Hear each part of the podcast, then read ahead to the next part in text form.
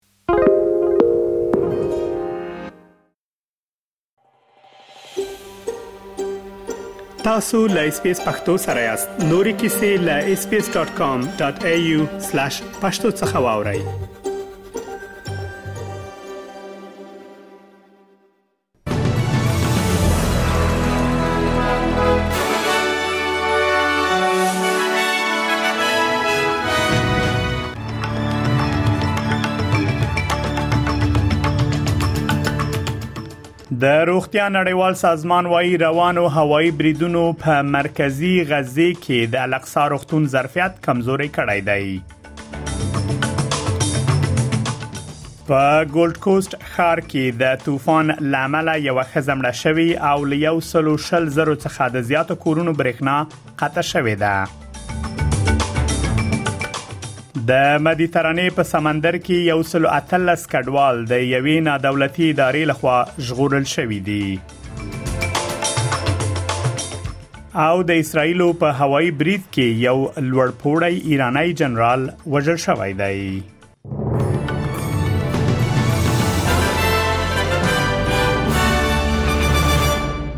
اوس هم پام وکړئ بشپړ خبرونه ته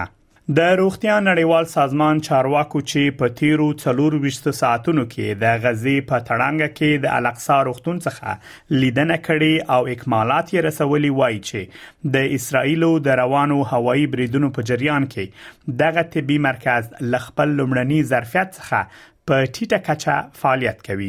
د اسرایل لومړي وزیر بنیامین نتنیاهو د دوشنبه په سهار له غزې څخه تر لیدنې وروسته ژمنه کړې چې د اسرایل پوځي کمپاین پای ته نږدې شوی دی د روغتیا له نړیوال سازمان څخه شان کیسی وایي پر ملکی وګړو د روانو هوایي بریدونو اغیز ډیر ویجاړونکی دی هغه وایي د احمد په څیر ماشومان د بمباریو او جګړې له امله په غیر ضروري توګه مړ کیږي او دا ځکه چې د روغتيایي سیستم د دغه سپیچلو قضیو ادارو ته ادارې ته د نږدې کېدو ظرفیت نه لري هغه زیاتوي دا وضعیت د منلو وړ نه دی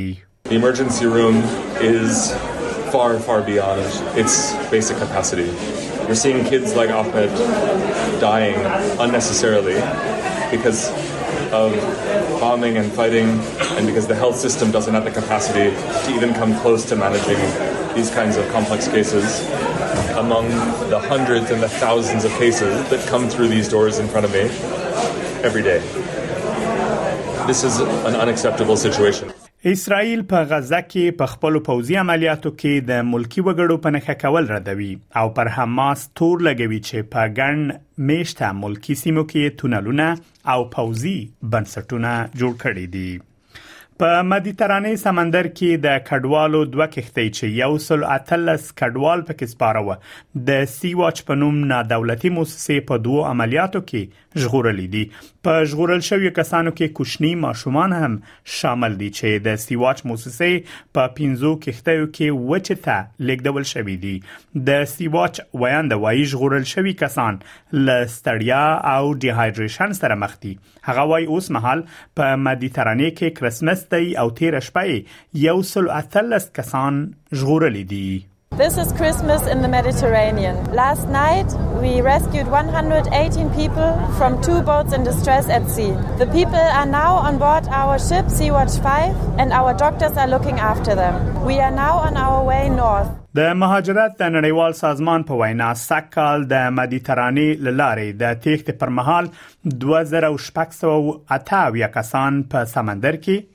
ډوب شوي دي د کوینزلند ایالت په ګولډ کوست ښار کې د طوفان لامل یو خزه مړه شوی او ل یو سلو شل زرو څخه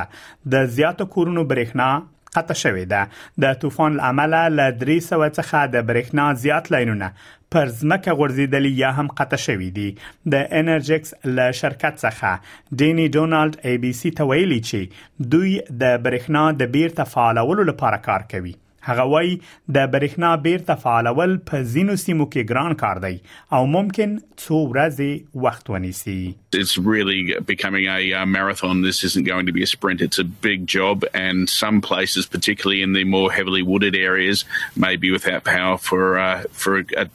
few days uh, the way it's looking. تمه کیږي چې د ژوند د لګښتونو فشار، د لوړو مالیاتو تادیات او د سود لوړه کچه به سکهال د باکسینګ ورځې پلور ورو کړي. د 2022 کال په پرتله سکهال د کریسمس په پلور کې هم کموالی راغلی دی. دا ښکاري چې خلک د زیات مصرف عادتونه بدلوي. د ای ام پی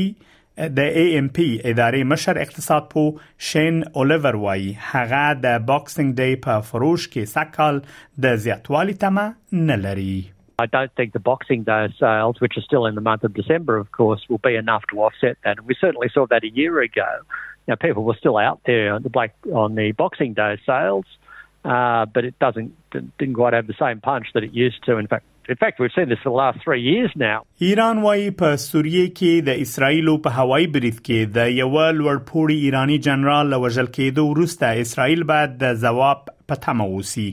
برید پلازمېنه دمشق په یو ګاونډي کې شوی او سید رازي موسوي یې وژلی دی. نوموړی په سوریه کې د ایران د سپاه پاسداران انقلابي ګارډ سلاکار و په سوریه کې د ایران سفیر حسین اکبری دغه وژنه غندلې او اسرایل ته خبرداري ورکړې چې په دې اړه به خبرګون وخی اکبری وای هغه څه چې تر سره شوی هغه د صهیونیس رژیم بوزدلانه ترهګریزه حمله و هغه وای ایرانی جنرال په سوریه کې د رسمي پوځي سلاکار په توګه حضور درلود دغه کار د نړیوالو کنوانسیونونو خلاف کار دی او په طبيعي توګه قرباني هیواد د غچ اخیستلو حق لري حادثه ای که امروز رخ داد در پی یک اقدام تروریستی ناجوانمردانه رژیم صهیونیستی، با توجه به اینکه ایشون به عنوان یک نیروی مستشار نظامی رسمی در کشور سوریه حضور داشتند خب یک اقدام نوجوان مردانه و برخلاف کنوانسیون های بین المللی اقدام رژیم سهیونیستی انجام شد که طبیعتا حق مقابله برای کشور قربانی محفوظ هست و به طور طبیعی پاسخ این جنایت خودش رو در واقع در شرایط مناسب و در زمان مناسب حتما خواهد گرفت.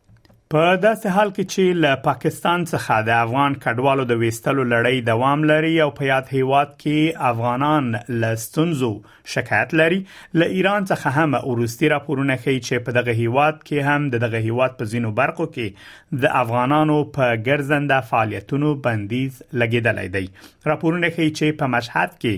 د محدودیت په اړه اعلانونه په ځینو ځایونو کې لګول شوې دي په یاد ښار کې شاوخوا 1500 زره افغانان ژوند کوي څه موده وړاندې طالبانو ویلي و چې له ایران څخه په دریو میاشتو کې 350 زره افغان کډوال بیرته افغانستان ته استول شوې دي او دا هم یو سپورتي خبر د استرالیا او پاکستان ترمنځ د کرکټ ټیسټ لوبه نن په ملبون ښار کې تر سره کیږي د استرالیا کپټان پیټ کیمنز وایي چې د ملبون په کرکټ لوبغاړي کې د وکټو لپاره شرایط ښه دی کمنز به له میچل ستراک او جوش هیزل وډ سره یو ځای د پاکستان پر وړاندې تیز بالینګ تر سره کړي د غلوبه په داسې حال کې تر سره کیږي چې په ملبون کې نن د باران امکان هم شته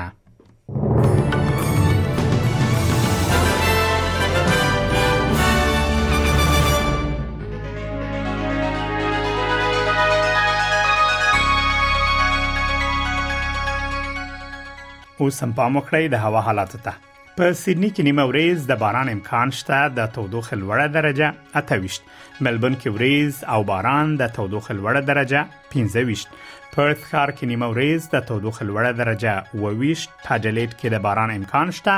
د تودوخې درجه 22 هوبارت کې ډیری لمر د تودوخې لوړه درجه 23 کانبرا کې باران او طوفان د کمیدو په حال کې ده د تودوخې لوړه درجه شپږ ویشت په نیوکاسل ښار کې وریز د باران امکان شته د تودوخې لوړه درجه نه ویشت په برزبن کې هم د باران امکان شته د تودوخې لوړه درجه درې دیرش په داروین کې باران او طوفان د تودوخې لوړه درجه څلور ویشت او له استرالیا څخه بهر په کابل کې ډیری لمر د تودوخې لوړه درجه لس او ټیټه هم دوه په پیښور کې نیمه ورځ د تودوخې لوړه درجه 21 او ټیټه نه دا هم د استرالیي ډالر پر وړاندې د نور اسعارو بای د استرالیا یو ډالر آتش پیته امریکایي سنټه یو استرالیای ډالر 2 شپېته یورو سنت او 450 بریټانوي پنسه د استرالیای ډالر 450 هندۍ کلدارو او 190 پاکستانیو کلدارو سره برابرېږي او د استرالیای ډالر 40